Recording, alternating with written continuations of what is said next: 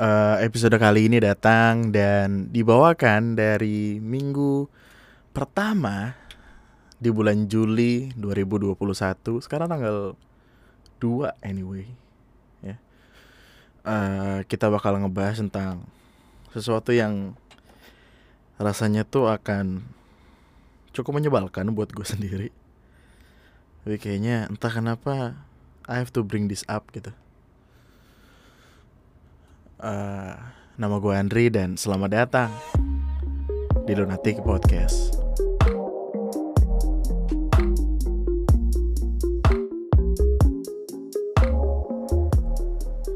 Selamat datang di sisi gue yang lain, di mana pada akhirnya gue akan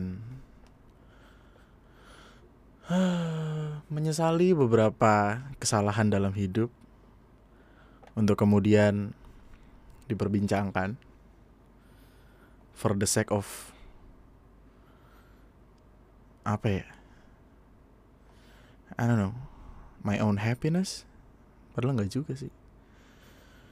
Uh, biar gue ceritain dulu tentang kenapa ini terjadi. Jadi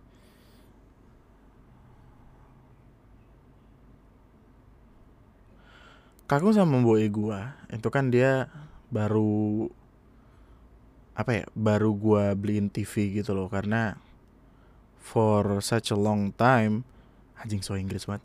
Dalam pokoknya selama beberapa tahun gitu ternyata TV mereka tuh rusak.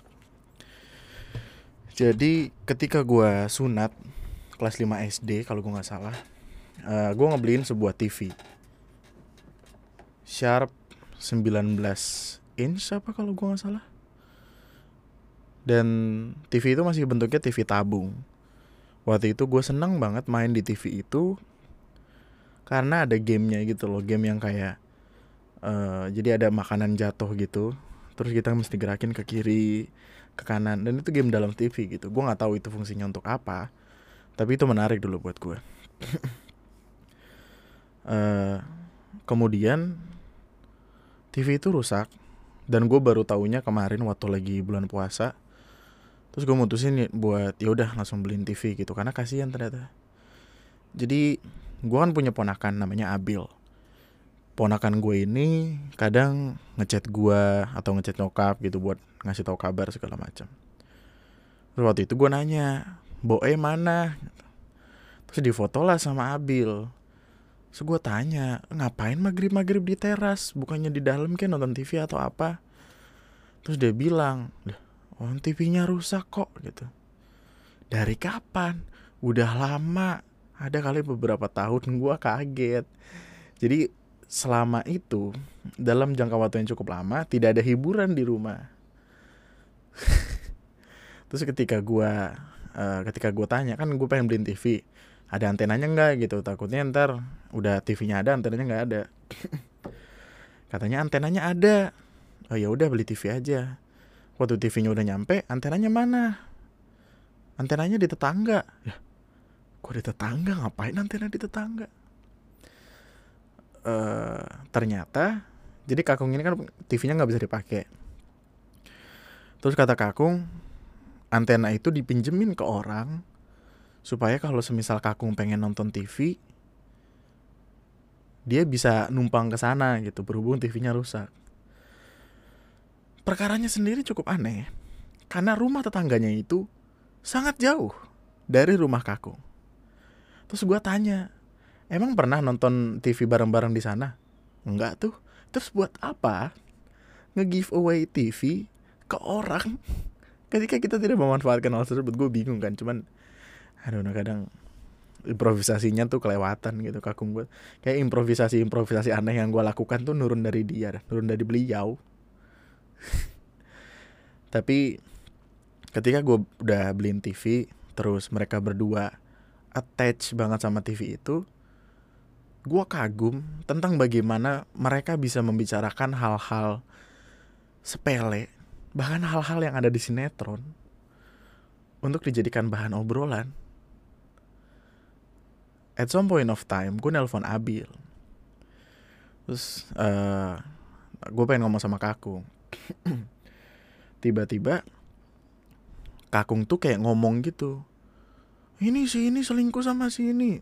Nanya ke mbok ya kan ini selingkuh sama si ini terus itu gimana? Gitu. Terus gue bingung nih apa yang terjadi di kehidupan kami? Siapa yang selingkuh? Siapa yang mau dibunuh? Siapa yang mau mati? Bla bla bla. Ternyata mereka berdua lagi ngomongin sinetron dan attach banget dengan sinetron tersebut.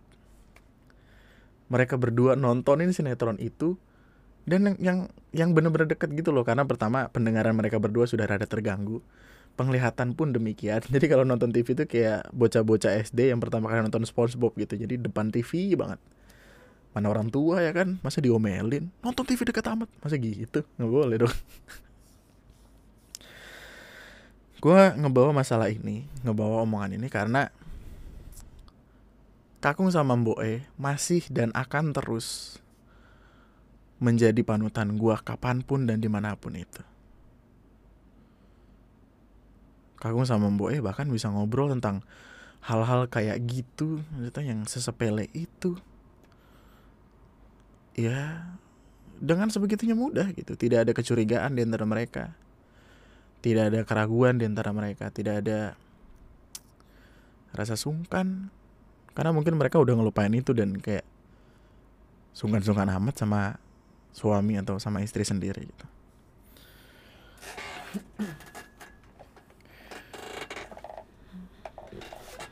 Sayangnya keturunan keturunan Kakung sama Mbok E tidak ada yang bisa seperti itu. Well, belum ada yang bisa sih. Maksudnya keturunan langsung ya. Jadi nyokap tuh punya beberapa saudara ada, tiga kalau gue nggak salah. Uh, anaknya yang pertama sempat nikah terus kemudian cerai deh kalau gue nggak salah. Anaknya yang kedua nikah sama cowok tapi cerai terus cowoknya dinikahin sama kakung gue sama orang lain. Si istrinya ini si yang berarti oh enggak ya, anak kedua tuh nyokap gue anak ketiga maksud gue anak ketiga ini ini nikah total lima kali lah. Ya itu influence dari mana gitu? Pastinya bukan dari orang tuanya dong. Dan nyokap gue anak tengah ya kehidupannya demikian gitu. Melahirkan anak seperti ini. Yang kadang brengsek emang. Uh, nyokap umurnya sekarang udah 50 something? 48 masih muda nyokap gue ternyata. Gue gue buruk banget dalam mengingat angka. Gue aja lupa kapan terakhir kali eh gue aja lupa kapan jadi nama Ara. Jadi udah nggak nggak usah dipikirin tapi nyokap gue umurnya 48 tahun. Ngelahirin anak pertama which is kakak gua itu umur 13 tahun ya. 15 sorry. Aduh angka gue buruk banget men sorry. Itulah gue fungsinya ada arah di sini. Dia lebih jago ingat. Nyokap gue ngelahirin kakak pertama gue di umur yang ke-15 tahun. Kemudian gue nggak tahu kenapa uh, nyokap gue intinya sempat nikah sama orang. Bokap gue sempat nikah sama orang. Kemudian mereka bertemu dan lahirnya gue sama adik gue gue kira udah gitu. Ternyata mereka bisa juga. Relationship gue sama bokap itu terbangun pertama kali ketika umur gue lima tahun gue dibawa nyokap. Jadi gue lahir di Lampung di salah satu provinsi salah satu daerah di sana yang ya sampai sekarang jalanan rusak banget. Uh, sampai umur lima tahun nyokap gue tuh bolak-balik dari Jakarta ke Lampung, Jakarta ke Lampung hampir setiap minggu kalau gue nggak salah untuk nemuin gue. Nyokap bilang kayak hari Jumatnya dia berangkat, Jumat malam dia berangkat, Minggu malam dia pulang ke Jakarta gitu. Untuk cuma untuk nemuin gue anaknya. Kemudian mungkin ada masanya di mana nyokap capek dan ngebawa gue ke Jakarta buat ketemu bokap nyokap waktu itu sempat bilang kayaknya uh, pengen tahu aja nih ini bapaknya pengen ngelihat anaknya atau enggak gitu. Jadi kayak nyokap gue tuh bertaruh apakah bokap peduli gue atau enggak gitu. Kalau bokap peduli anaknya pasti ditemuin dan dijaga. Kalau enggak yang balik lagi gitu. Tapi bersyukurnya waktu itu bokap masih masih ada niatan lah gitu untuk membangun keluarga dengan nyokap dan gue. Well, gue juga nggak tahu sebenarnya apa yang terjadi ketika ketika lima tahun, ketika sampai lima tahun itu bokap jarang, I mean bukan jarang malah nggak pernah ngeliat gue. Internal problem yang gue nggak berani tanyain ke nyokap karena nggak enak, takut nyakitin hati orang. Uh, relationship gue pun sama bokap mulai terbangun. Mungkin karena dia karena dia baru itu ngerasain punya anak laki-laki karena bokap dari pernikahan pertamanya itu anaknya perempuan. Dan nyokap juga anaknya perempuan. Jadi kayak gue tuh satu-satunya laki-laki yang satunya satu-satunya anak laki-laki yang mereka temuin gitu lah. Well nggak temuin juga sih dia banyak ketemu anak-anak kecil. I don't know fuck it. Tapi relationship gue sama bokap tuh dibangun bener-bener yang nggak sesering itulah karena bokap kerja nyokap kerja gue ketemu mereka mostly malam. Kayak yang gue bilang keseharian gue gue bakal bangun tidur. Makan nasi sama cakwe. Syukur-syukur kalau ada saus gue berangkat ke sekolah. Gue pulang ke rumah rumah udah kosong. Kontrakan sih tepatnya kontrakan itu udah kosong terus gue ditinggalin duit 2000 di kayak jadi bokap tuh kayak punya semacam alat alat-alat kerjanya gitu dibikin satu kayak kotakan gede gitu. Dan duit gue akan ditaruh di sana 2000 saya ingat gue 1000 sama 1000 2000 uh, dan ketika gue lihat sering kali duit itu hilang diambil tetangga gue Yudi emang anjing tuh orang sampai sekarang pengen gue pukulin orangnya. Udah tua sih goblok. Dan sering kali duit gue diambil sama si Yudi ini dan entah kenapa gue manut-manut aja duit gue diambil. Gue nggak ngomong sama orang tua gue gitu. Ya, dari kecil gue punya kecenderungan untuk berusaha menyelesaikan semua masalah gue sendiri. Yang mana tidak mungkin. Emang sotoy dari lahir. Tapi gue akan menunggu nyokap gue pulang. Nyokap gue pulang jam setengah enam bokap. Kalau misalkan lagi mau jemput ya mungkin cepet. Kalau lama ya lama. Nyokap kerja di KBN kawasan Berikan Nusantara di Cakung yang mana ketika gue selesai sekolah pada akhirnya gue kerja di tempat di lingkungan yang sama juga.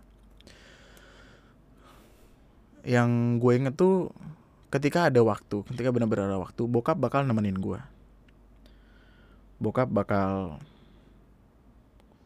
nyamperin gue nganterin nganterin gue ke sekolah terus nyamperin ketika gue balik. Meskipun kondisinya waktu itu bokap nggak ada motor Uh, jadi gue gua lupa apa yang terjadi tapi ada masanya di mana bokap itu nggak megang motor. Motor kami itu dulu Astrea Grand tahun 97. Tua sekali motor itu. Tapi motor itu punya kenangan banyak. Yang sekarang udah dijual sih. Gue nyesel kenapa gue jual.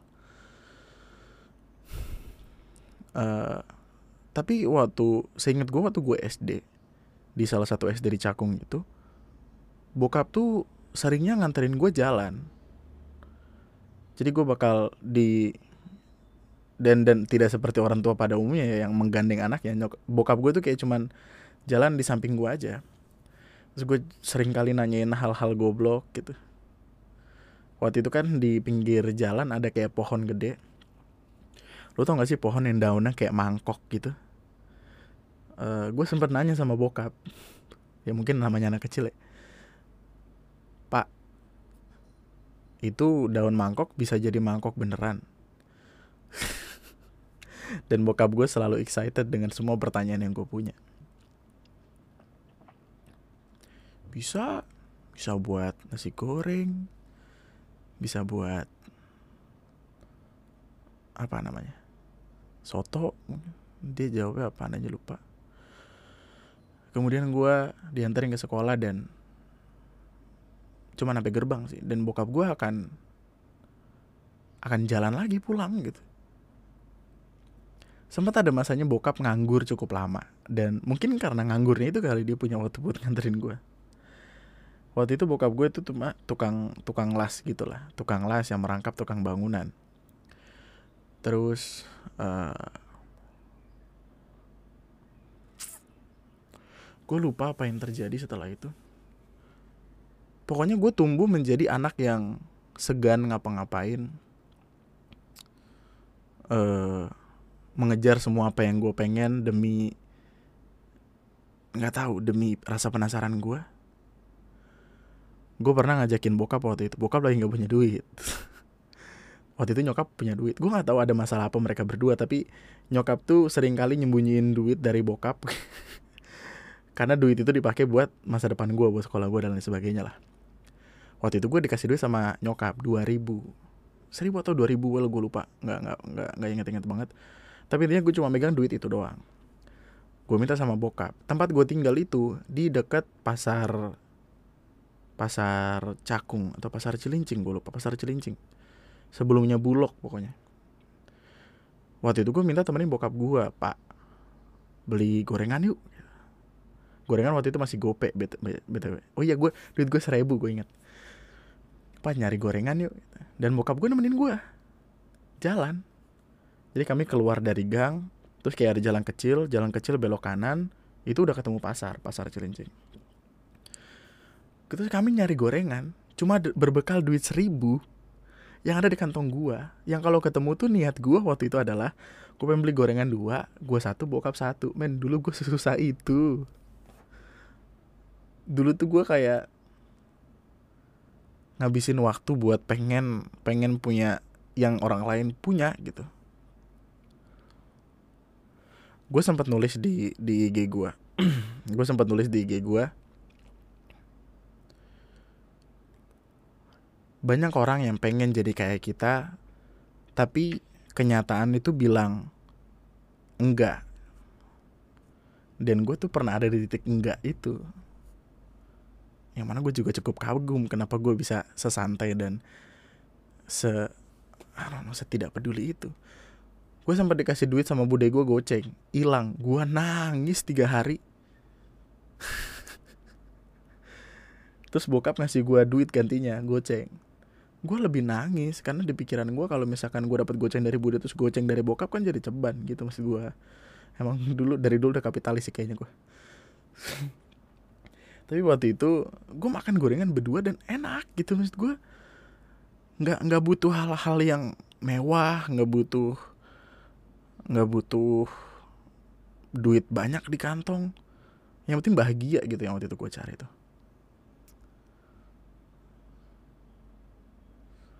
Uh, beberapa pokoknya beberapa tahun itu hidup gue cukup bahagia lah gitu nggak apa pokoknya nggak lama setelah kejadian gorengan itu beberapa bulannya lah bokap pun punya kayak punya kerjaan gitu. Nggak tahu kuli bangunan atau apa. Yang gue tahu waktu itu soalnya cuma sekolah. Pulang dapat duit dua ribu beli makaroni empat makan kelar gitu. Dan memulai hari-hari setelahnya. Hal yang paling lucu ya yang pernah terjadi antara gue dan bokap gue uh, gue nggak tahu waktu itu gue umur berapa. Intinya di di bawah kelas 5 SD saya inget gue karena uh, apa ya gue masih di gue masih di Jakarta waktu itu. Kami pergi ke salah satu komedi putar, komedi putar yang benar-benar di pinggir jalan gitu. Itu adalah kali pertama dan terakhir gue melihat uh, tong setan secara langsung.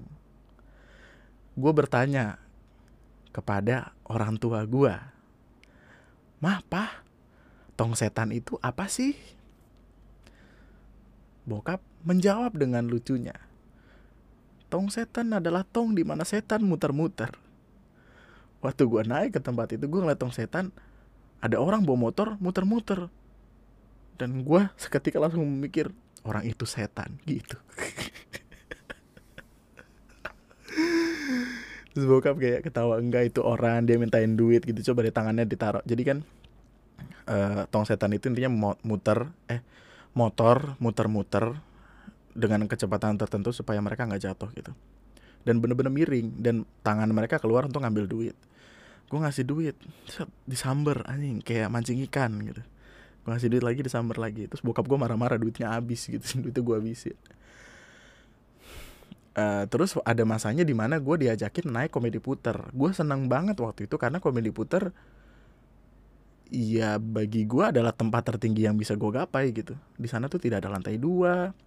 Wah sekolah gue lantai dua sih. Tapi maksud gue nggak nggak nggak yang notabene bisa sesenang itu gitu harusnya. Gue seneng diajakin diajakin naik komedi puter. Uh, bokap gue kayak kayak gimana ya? Kayak menunjukkan ekspresi bahagia ketika gue bahagia. Gue tuh pengen lari. Eh gue pengen meluk bokap gue dengan cara lari. Bokap gue jongkok. Gue make sendal karfil yang pasti kalau kena tuh sakit. Kebentur tuh sakit. Gue lari gue lari gue lari. Bijinya ketendang sama gue. Dia ngejungkel guling-guling dan itu gue merasa berdosa sampai sekarang. Namanya juga bocah ya kan? Gue juga nggak paham kenapa gue melakukan itu. Tapi gue kasihan. Gue gak tau kayaknya abis itu gue diomelin dah. Karena karena bokap akhirnya mutusin buat pulang atau gimana. Kemudian akhirnya ada motor. Motor itu ada lagi gue lupa entah ada lagi atau baru beli gitu. Tapi kira punya motor uh, dan gue pernah mengalami insiden ketika gue naik motor itu.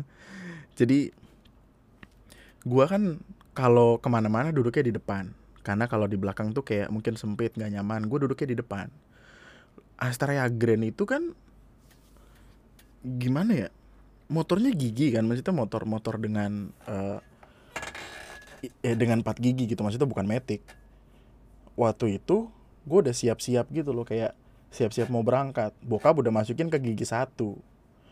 Tapi gue kayak pengen pamitan gitu ke rumah tetangga gue tangan kanan bokap gue nggak megangin nggak megangin gas. Gue megang.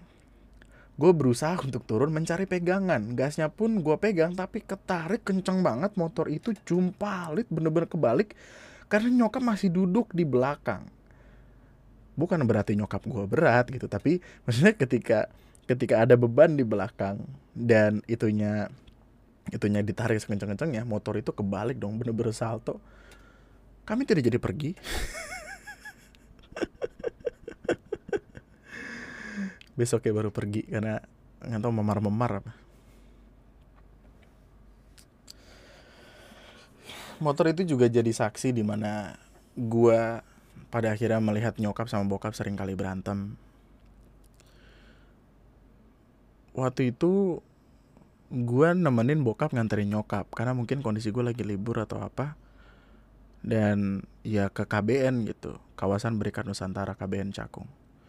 Dan di sepanjang perjalanan mereka berdebat tentang sesuatu yang gua nggak paham apa. Intinya mereka berdebat kencang banget sepanjang jalan uh, kami nganterin nyokap sampai PT-nya kemudian ya udah pulang gitu. Dan itu adalah pertama kali pertengkaran itu gua rasain menakutkan gitu loh. Rasa rasanya tuh kayak apa ya? Nggak nyaman panas gitu. Gue pengen pengen buru-buru keluar dari perkara yang ada karena gue nggak bisa ngapa-ngapain gitu sebagai bocah dan perdebatan itu pun terjadi sampai uh, cukup lama pokoknya. Dan ada masa di mana gue lagi sekolah. Kemudian oh kelas aduh lupa lagi gue intinya di masa itu 2006 ketika adik gue lahir uh, eh, gue lagi sekolah bokap datang. Kemudian bokap ngomong sama guru gue bla bla bla bla bla bla. Gue pun quote and quote diculik untuk ikut dia dan tinggal dia tinggal sama dia untuk beberapa waktu. Iya iya iya gue inget kayak gitu. Dalam kondisi nyokap lagi hamil kalau gue nggak salah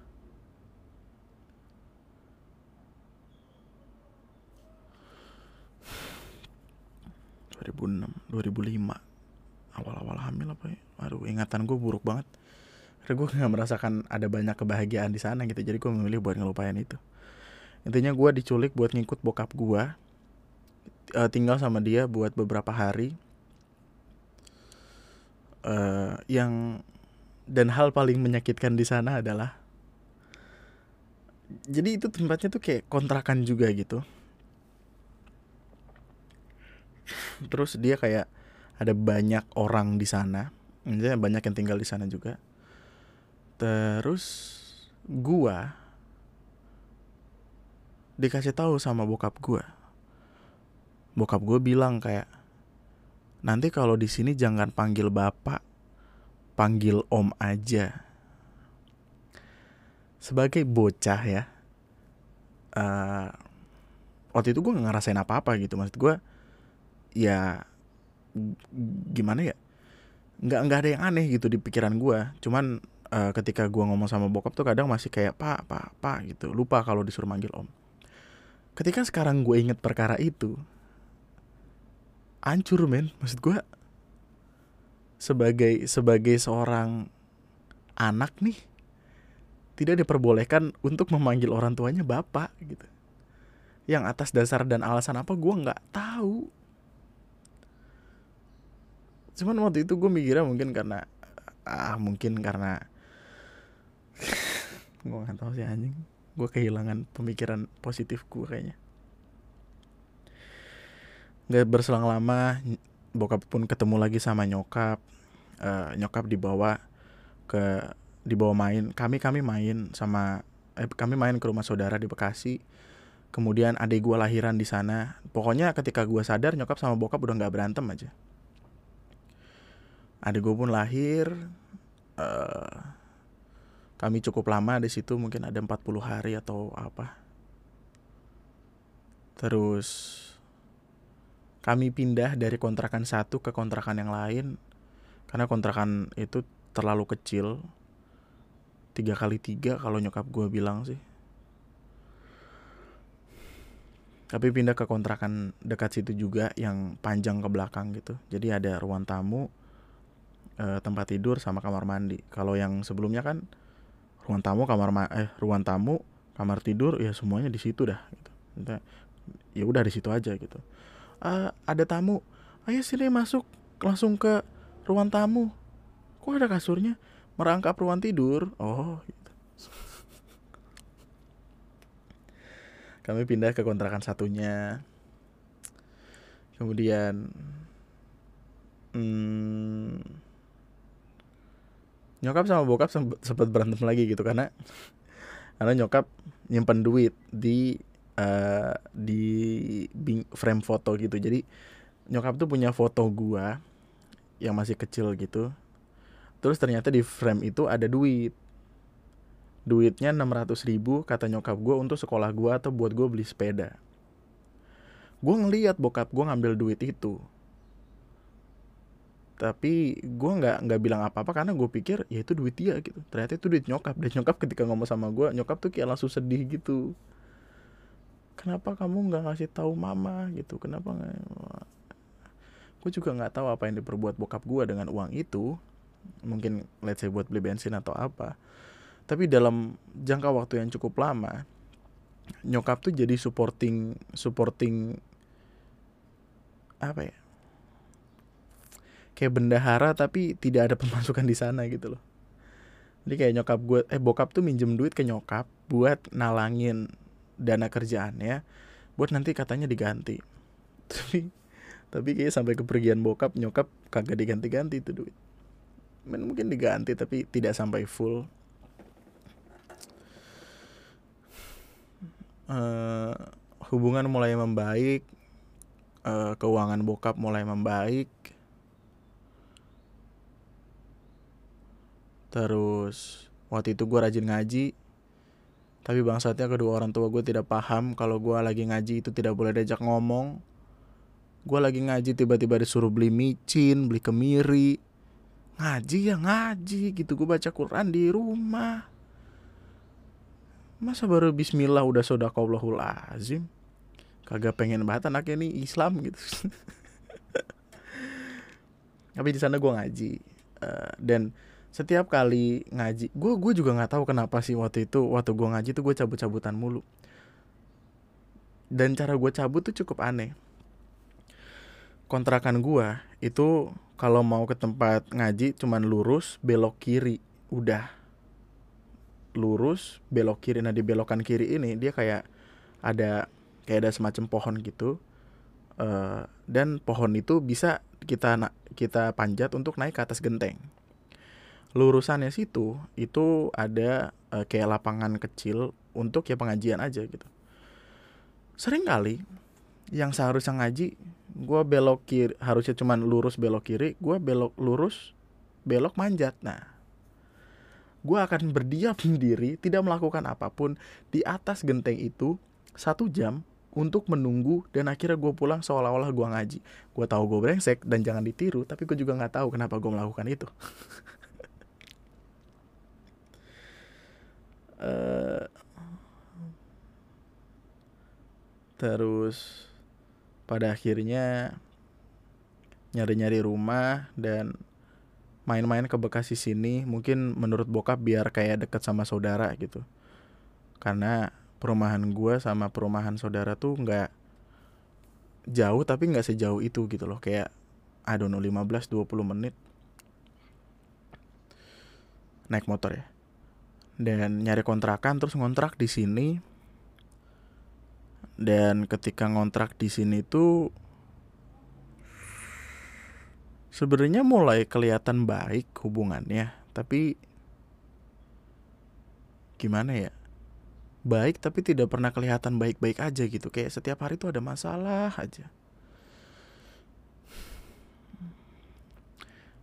Yang yang lucu adalah bokap tuh waktu itu sempat bilang kalau dia pergi ke Papua selama beberapa bulan dan ninggalin kami, gua, nyokap sama adik gua.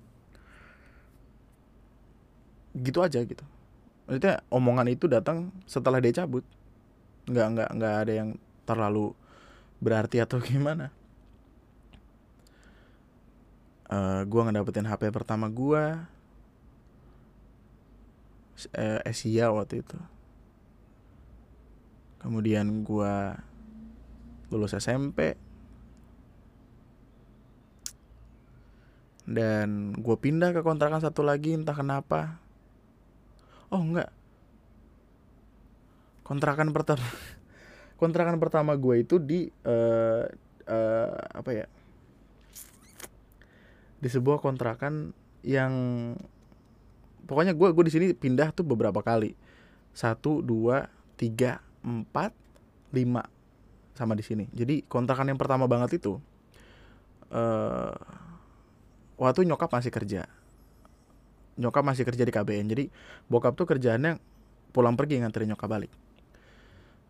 Dan sering kali tuh gue ditinggalin sama adik gue sendirian. Beberapa hari lalu nyokap ngirimin gue video.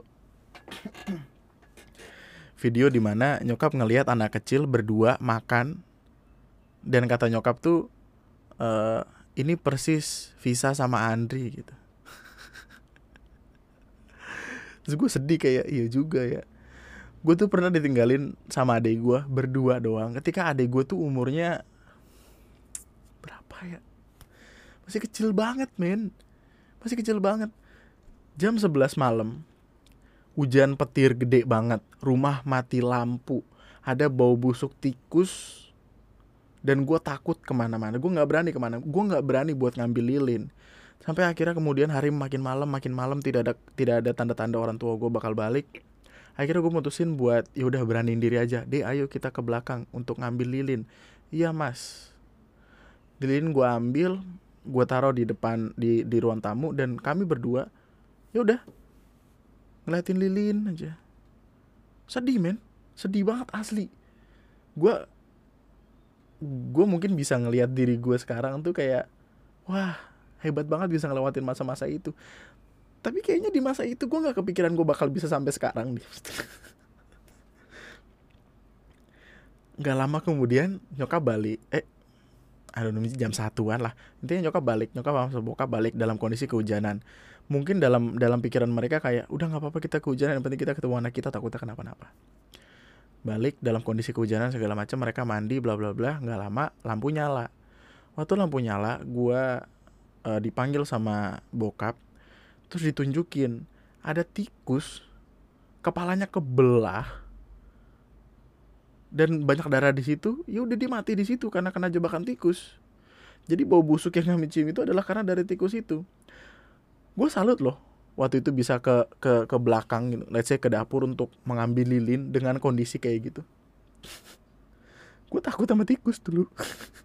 Karena karena kelingking gue pernah digigit sama tikus sampai berdarah. Mana tikusnya kecil lagi tau yang yang hidungnya panjang. Kemudian gue pindah ke kontrakan kedua. Di kontrakan kedua itu yang yang bokap gue bilang dia pergi ke Papua bla bla bla. Gue nggak tahu dia dapat duit atau enggak kami pindah ke kontrakan yang ketiga. Adik gue udah cukup gede. Hmm, udah TK apa ya kalau nggak salah? Apa belum? Uh, tapi intinya kelas 2 SMK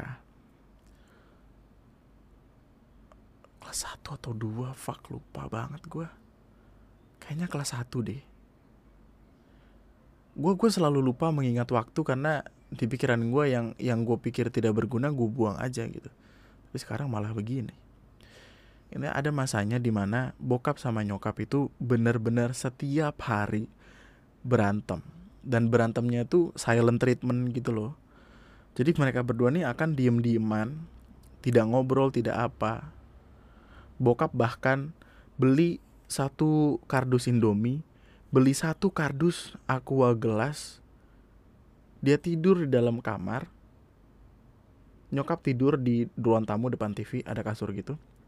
Dan ya udah, itu terjadi mungkin satu dua bulan dan terjadi terus seperti itu. Meskipun nyokap itu tetap masuk kamar untuk ganti baju atau apa, ngambil baju segala macam, bokap juga sering bolak-balikan kamar mandi, tidak ada yang ngomong.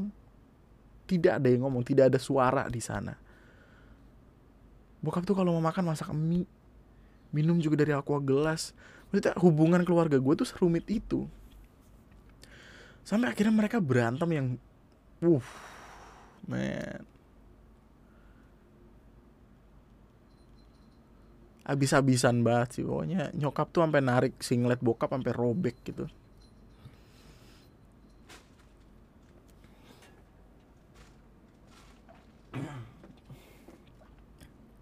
terus gue ber gue bersikap seolah-olah gue nggak tahu apa-apa. Tiba-tiba gue keinget anjing adik gue di depan lagi.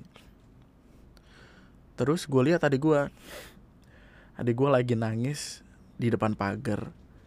Dia ngejauhin diri dari ruang tamu supaya dia gak ngedengar orang tuanya berantem di kamar. Di depan pagar gue nggak tahu ada setan apa di kepala gue waktu itu. Gue langsung masuk kamar mereka gue dobrak gue marah-marah semua makeup nyokap di meja gue gue berantakin gue lempar ke tanah. Gue teriak itu anak lu nangis di luar lu orang tua macam apa? Kayak gitu. Kemudian mereka berdua ngerapiin barang-barangnya itu. Gue nggak tahu mungkin mereka sadar mereka ngelakuin hal yang salah.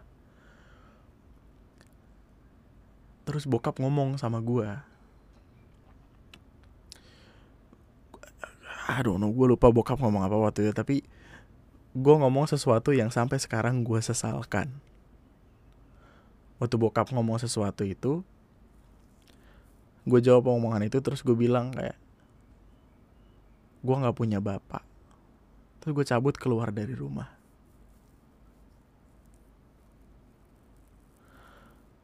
Kalimat itu gue seselin sampai sekarang. Maksud gue segimanapun segimanapun orang tua kelakuannya gue pikir mereka akan tetap jadi bapak jadi jadi ibu. Gue juga nggak tahu kenapa kalimat itu keluar dari mulut gue gitu. Intinya ketika gue balik bokap tuh udah cabut. Dan gak balik lagi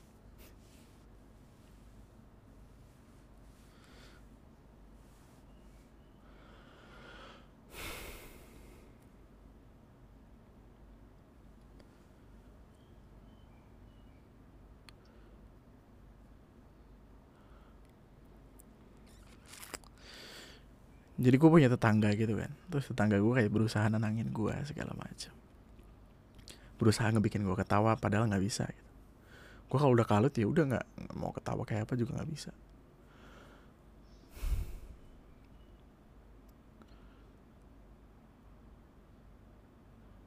Terus mulai dari saat itu uh, yang ngurusin gue adalah nyokap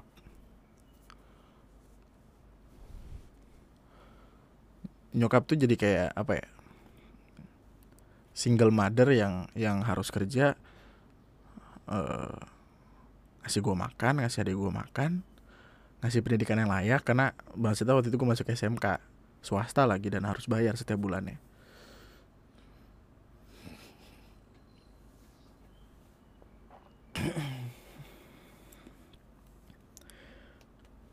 Dan dan gue gue mencintai nyokap lebih dari apa pun yang ada di dunia gitu maksud gue.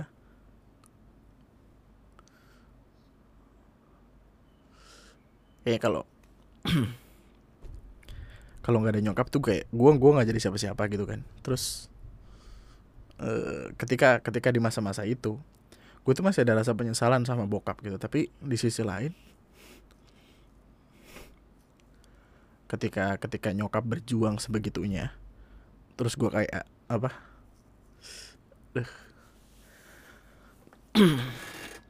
hal-hal paling menyakitkan dalam hidup gue ya.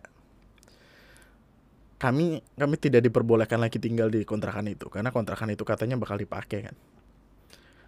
Uh, terus uh, nyokap pun mutusin buat beli tanah gitu. Masih di masih di satu perumahan yang sama. Beli tanah terus ngebangun rumah kami tuh se sedesperate itu sama uang. Jadi kan kalau rumah gue tuh waktu itu masih bentuknya kayak rawa gitu kan. Terus mesti di di diuruk pakai tanah. Dan urukan itu mahal. Satu satu satu losbak itu sekitar 400 500 ribu gue lupa. Tapi itu aja tuh mahal. Dan ada beberapa tetangga yang kenal nyokap tuh kayak uh, kayak ngasih tahu Budian. Gue inget banget namanya Budian. Thank you banget. Jadi Budian ini uh, ngasih tahu kayak itu ada genteng tuh di samping rumah nggak kepake diambil aja buat nguruk. Gua adik sama nyokap. Itu men kami ngangkatin genteng jam 12 siang. Dibawa ke gerobak ditarik untuk ditaruh ke sana buat nguruk tanah itu. Nggak maksud gue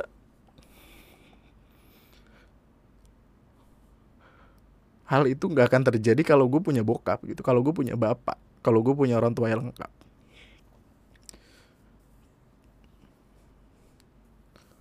Sakit banget loh waktu itu men. Gila kayak sesusah ini gue gitu.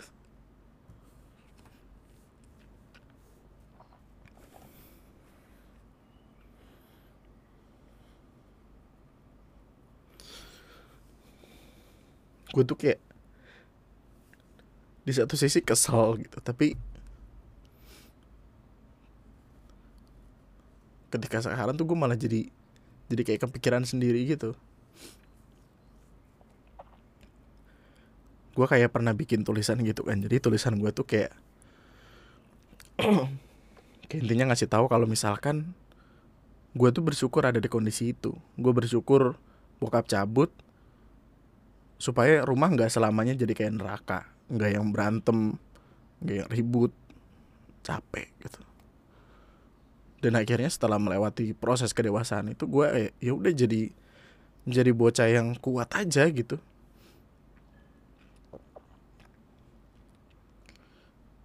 Nggak nggak berharap banyak sama dunia. Berharapnya ke diri sendiri aja gitu.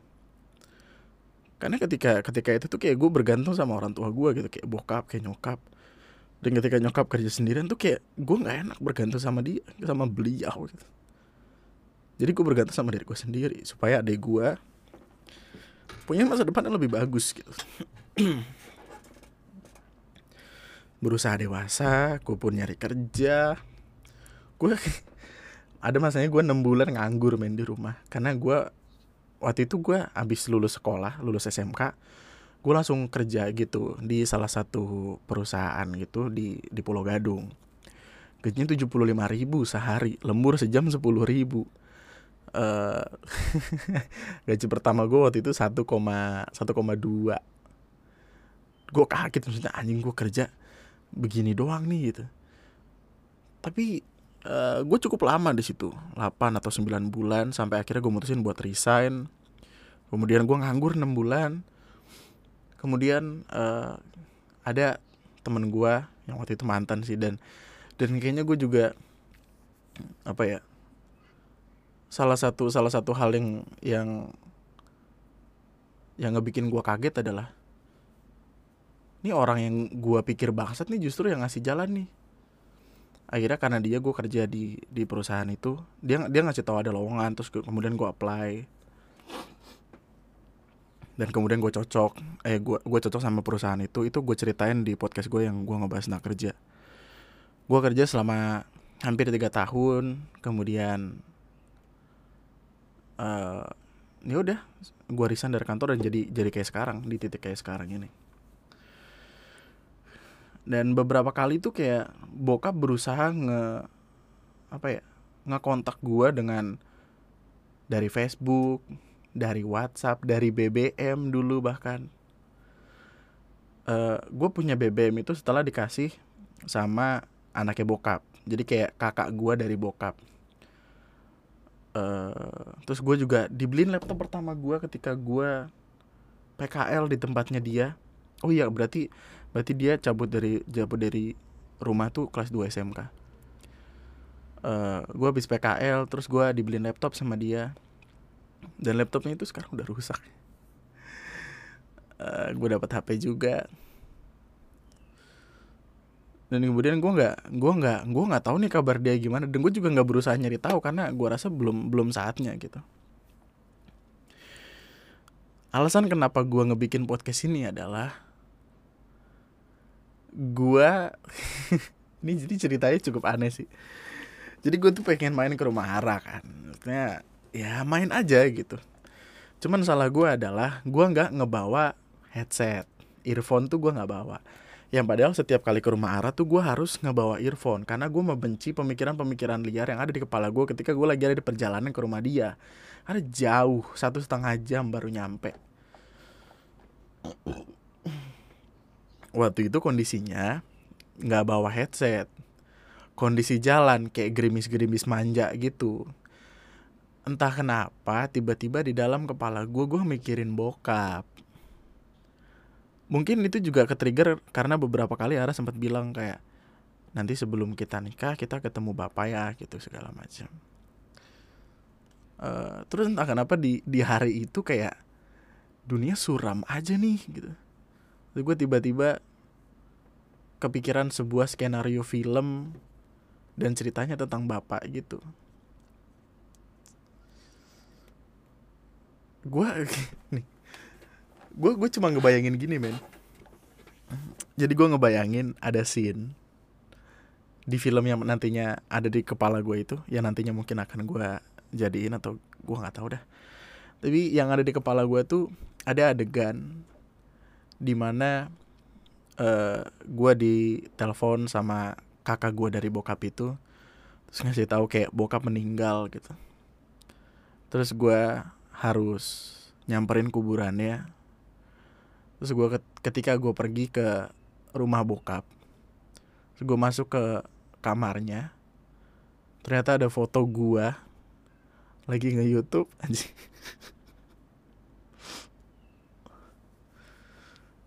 Foto gue lagi nge YouTube di screenshot sama dia terus ditaruh frame ditaruh di tembok dan banyak. Gue ngebayangin sini itu sepanjang jalan gue nangis anjing. Kayak gue sempat mikir apakah ada hal buruk terjadi sama dia sebelum akhirnya gue bisa ketemu lagi sama dia gue nggak tahu.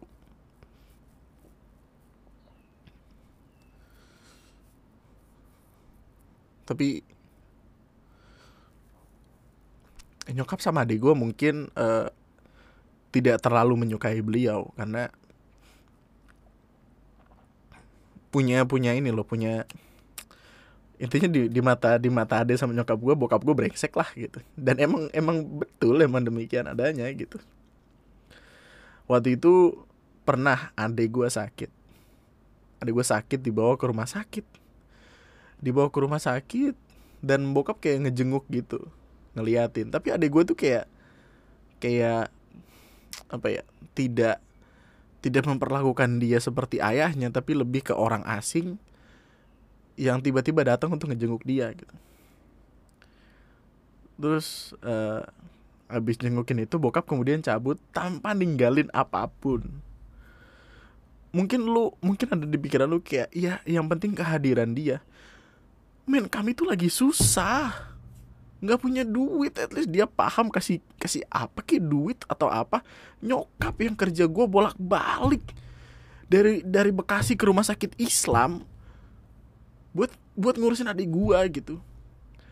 Kejadian yang pernah gue ceritain di mana adik gue tuh kayak uh, disuntik berkali-kali untuk nyari nadinya tapi nggak ketemu sampai gue nangis bener-bener nangis di depan suster.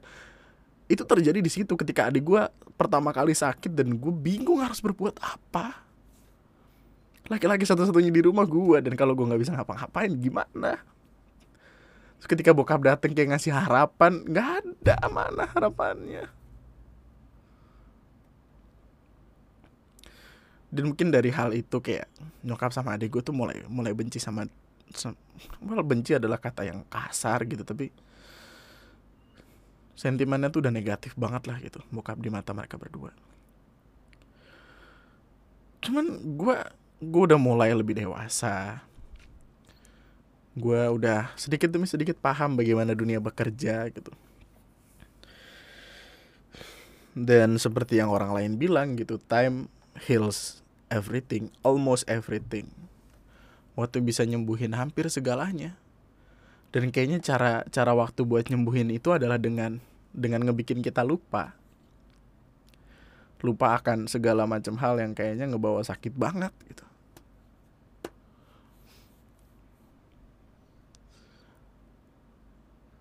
Gue beruntungnya gue ditemu dipertemukan sama sama wanita yang keluarganya tuh baik banget gitu.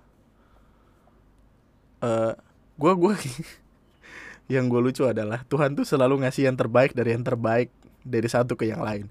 Dulu gue pikir pacar gue yang ini adalah yang paling baik karena dia dia ngerti gue dia segala macam ternyata enggak. Kemudian gue ketemu yang lain kayak wah dia nih paling bisa ngejaga hati gue bla bla ternyata tidak dan gue ketemu arah gitu jen. Dia adalah yang terbaik dari yang terbaik yang pernah gue temuin gitu keluarganya apalagi. Sebelum ini gue sempat pacaran sama orang yang keluarganya I gue gue bahkan gak berani buat buat nyamperin mereka gitu. Karena di kepala gue udah udah terbentuk yang aneh-aneh lah. Tapi sama Ara tuh kayak keluarganya baik sama gue gitu. Nyokapnya Ara adalah uh, orang tua ketiga yang yang pernah gue peluk gitu. Maksudnya selain nyokap sama mboe gue ya nyokapnya Ara yang yang pernah gue peluk gitu. Untuk kayak minal aizin minal aidin wal faizin gitu. Dan dan gue ngerasa kayak gue punya orang tua lagi nih. Gue tahu bokap uh, eh, gue tahu bokapnya dia baik gitu. Gue tahu nyokapnya dia baik gitu. Dan dan gue entah kenapa kayak ke trigger gitu kayak ini punya keluarga yang utuh kayaknya seru juga sih gitu. Pergi ke mana-mana bareng segala macam bareng. Gue kok aduh terlepas dari pandemi ya gue gue lupa bahkan kapan gue ngajakin keluarga gue yang orang tua sama adik gue buat pergi jauh. Lupa banget loh gue waktu itu ke Pakis ke pantai Pakis di Bekasi ke Ancol.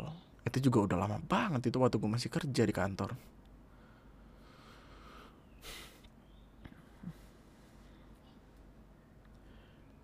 Time heals almost everything. Mungkin nantinya akan ada masa di mana gue pengen nikah, kemudian atau mungkin gue gue malah pengennya kayak abis nikah gitu tuh gue ketemu bokap kayak nih anak lu nih udah nikah nih udah punya anak nih. Bla bla bla bla bla bla bla gue mungkin akan nanya ke dia tentang gimana ngasih tahu anak uh, lu mau sunat gitu karena pengalaman gue sama sunat-sunatan tuh brengsek. Bokap gue nggak bilang apa-apa. Tahu-tahu kami pulang kampung terus tahu-tahu gue diajak pergi. Terus katanya nanti dibeliin tas ya. Iya gitu. Tiba-tiba gue disunat. Kan anjing ya menurut gue nggak ada omongan apa-apa. Nggak ada nggak ada brainstorming yang bagus gitu. Bilang kayak nanti habis sunat kamu beli PS gitu. Enggak gitu. Tiba-tiba gue dibawa ke kampung pulang kampung. Pulang kampung terus kayak mereka ngobrol-ngobrol tiba-tiba paginya subuh subuh gue dibawa ke tukang sunat. Anjing siap kagak gue disunat. Mana mana yang lucu adalah gue teriak nih. Uh, terus bokap gue kayak kayak ngasih tangannya gitu. Terus bilang e, nih jaket gigit aja kalau misalkan kesakitan. Gue gigit tapi gue mangap dulu jadi tangan bokap gue kegigit terus kegerak gitu sama gue itu adalah azab yang harus anda dapatkan. Karena menipu bocah yang kagak mau sunat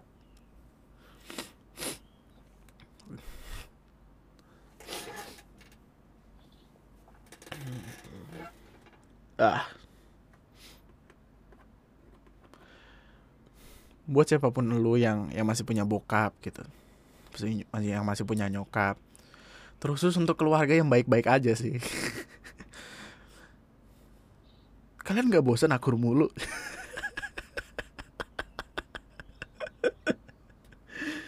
Broken home lah gitu.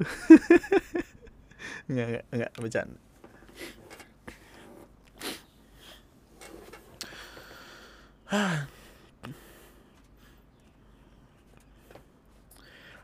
gua gua akhirnya memahami kalimat apa kalimat keluarga cemara yang bilang kalau harta yang paling berharga adalah keluarga.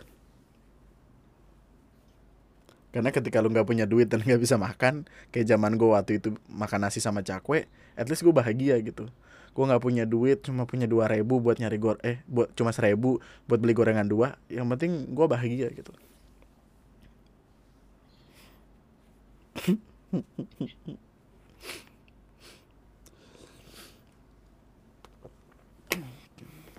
Bokap tuh terhitung sukses padahal.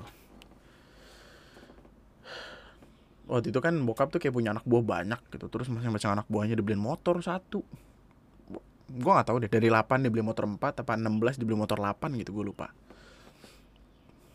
Tapi kayak gitu.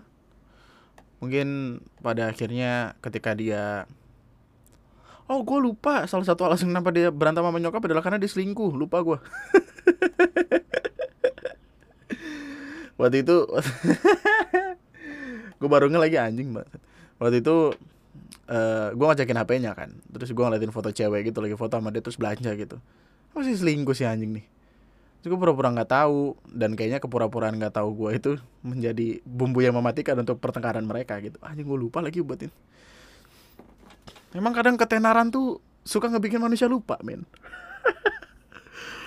suka ngebikin hidup tuh jadi suka seenaknya gitu. Waktu itu dia punya proyekan apa gitu, punya proyekan gede lah, cukup gede bahkan. Sampai dia uh, beli mobil gitu, dan mobilnya cuma diparkir sehari dua hari, kemudian dibawa lagi cabut. Karena katanya nggak kuat bayar, ah, aneh banget dah. Ngerasain punya, gue berdiri masuk dalam mobil itu belum anjing aneh. Gue beli mobil sendiri gue geber depan rumahnya liatin aja. Tapi ya kabar terakhir yang gue denger sih dia udah nikah lagi di Brebes terus sudah punya anak. Gue juga nggak tahu sih gue belum pernah ada kontak-kontakan langsung atau apa. Tapi mungkin ketika nanti gue mau nikah atau gue udah nikah gue udah punya anak gue akan akan ke sana gitu. Karena Panji Pragiwaksono tuh pernah bilang uh, Hal terbaik dari menjadi orang tua adalah ketika anak lu datang ke lu untuk nanya gimana caranya jadi orang tua. Dan mungkin gue akan melakukan itu dengan melaku dengan tidak melakukan apa-apa yang mereka lakukan. Nah gitu. Sebuah contoh untuk diambil sisi buruknya agar tidak kita lakukan. Agar gua nggak lakuin. Tapi ya selama keluarga lu baik-baik aja lu nikmatin itu men kayak mungkin lu nggak kaya mungkin lu sederhana tapi lu punya keluarga tuh kayak bukan berarti gue pengen bilang gue nggak punya keluarga ada keluarga gue gue sayang sama mereka tapi nggak utuh kan. Kayak nikmatin donat tapi cuman tiga per empat kan aneh gitu. Ngapain gue makan donat segini doang? Tapi ya apa pun yang terbaik untuk kita sorry jadi jadi sedih jadi sentimental gimana ya kayak ketika gua ngebikin uh, skrip di kepala gua ketika gua tadi jalan ke rumah ya ketika waktu itu gua jalan ke rumah Ara gua tuh berpikiran kalau ini tuh harus masuk podcast kalau kagak gua kepikiran terus gua nggak tenang gitu. Dan pelampiasan gua akan sesuatu adalah dengan ngepodcast. Gua bercerita gua pengen didengerin orang dan gue pengen lu yang denger. Saran gue sih kalau mau jadi orang tua jadi orang tua yang baik. Kadang emang uang tuh mengubah segalanya. Orang tuh bisa gila gara-gara duit gitu. Bokap gue tuh hitungannya ya hampir kaya lah gitu. Tapi selama bertahun-tahun nikah sama nyokap nyokap tuh bahkan baru punya rumah ketika bokap nggak ada. Kan anjing gitu loh maksud gue itulah kenapa nyokap tuh ngomong sama gue kamu mesti punya rumah dulu sebelum sebelum nikah. Karena ini alasannya. Nggak pengen jadi kayak mereka tapi ya gue rasa itu aja. Gue terlalu banyak ngomong ntar gue malah ngelantur dan ngebingungin ke mana-mana. Jadiin keluarga gue pelajaran untuk lu pakai di keluarga lu. Kan banyak nih orang-orang yang dengerin gue tapi udah nikah terus udah punya anak gitu. Atau mungkin lu baru mau nikah gitu. Sering kali gue bilang di podcast gue kalau hal-hal jelek, hal-hal nggak bagus, kegagalan-kegagalan yang gue taruh dalam podcast ini, baiknya lu ikutin dengan tidak melakukannya. Dari situ kita bisa bertumbuh, dan kita bisa bahagia bareng-bareng pada akhirnya. Gitu. Itu aja untuk podcast gue kali ini. Terima kasih udah mau ngedengerin. Terima kasih udah ngikutin lo nanti podcast sejauh ini. Sampai jumpa di podcast gue selanjutnya yang minggu depan akan ada. Uh, tetaplah bahagia, tetaplah baik-baik saja. Nama gue Andri Skianda.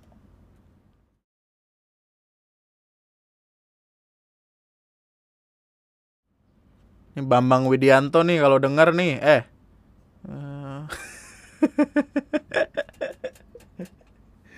Panggil nama bapak kayak bro banget ya. Eh, bisa bro. oh ya, kayaknya salah satu hal yang ngebikin gue nggak bisa marah dan baru bisa marah ketika mencak-mencak adalah karena dia punya pengasihan gitu loh kayak he got something on his wallet I mean jadi kayak ada kertas gitu baca-bacaan Arab terus dia taruh dalam dompet dan intinya kalau orang nemuin dia orang tuh bakal kasihan gitu. Makanya gue cuma bisa marah-marah sama dia di HP teks teks message gitu. Atau ketika gue bener-bener udah marah banget. Dan itu jarang sekali terjadi. Ya, mungkin ketika lu ketika lu pengen punya keluarga yang lengkap jangan punya jimat-jimat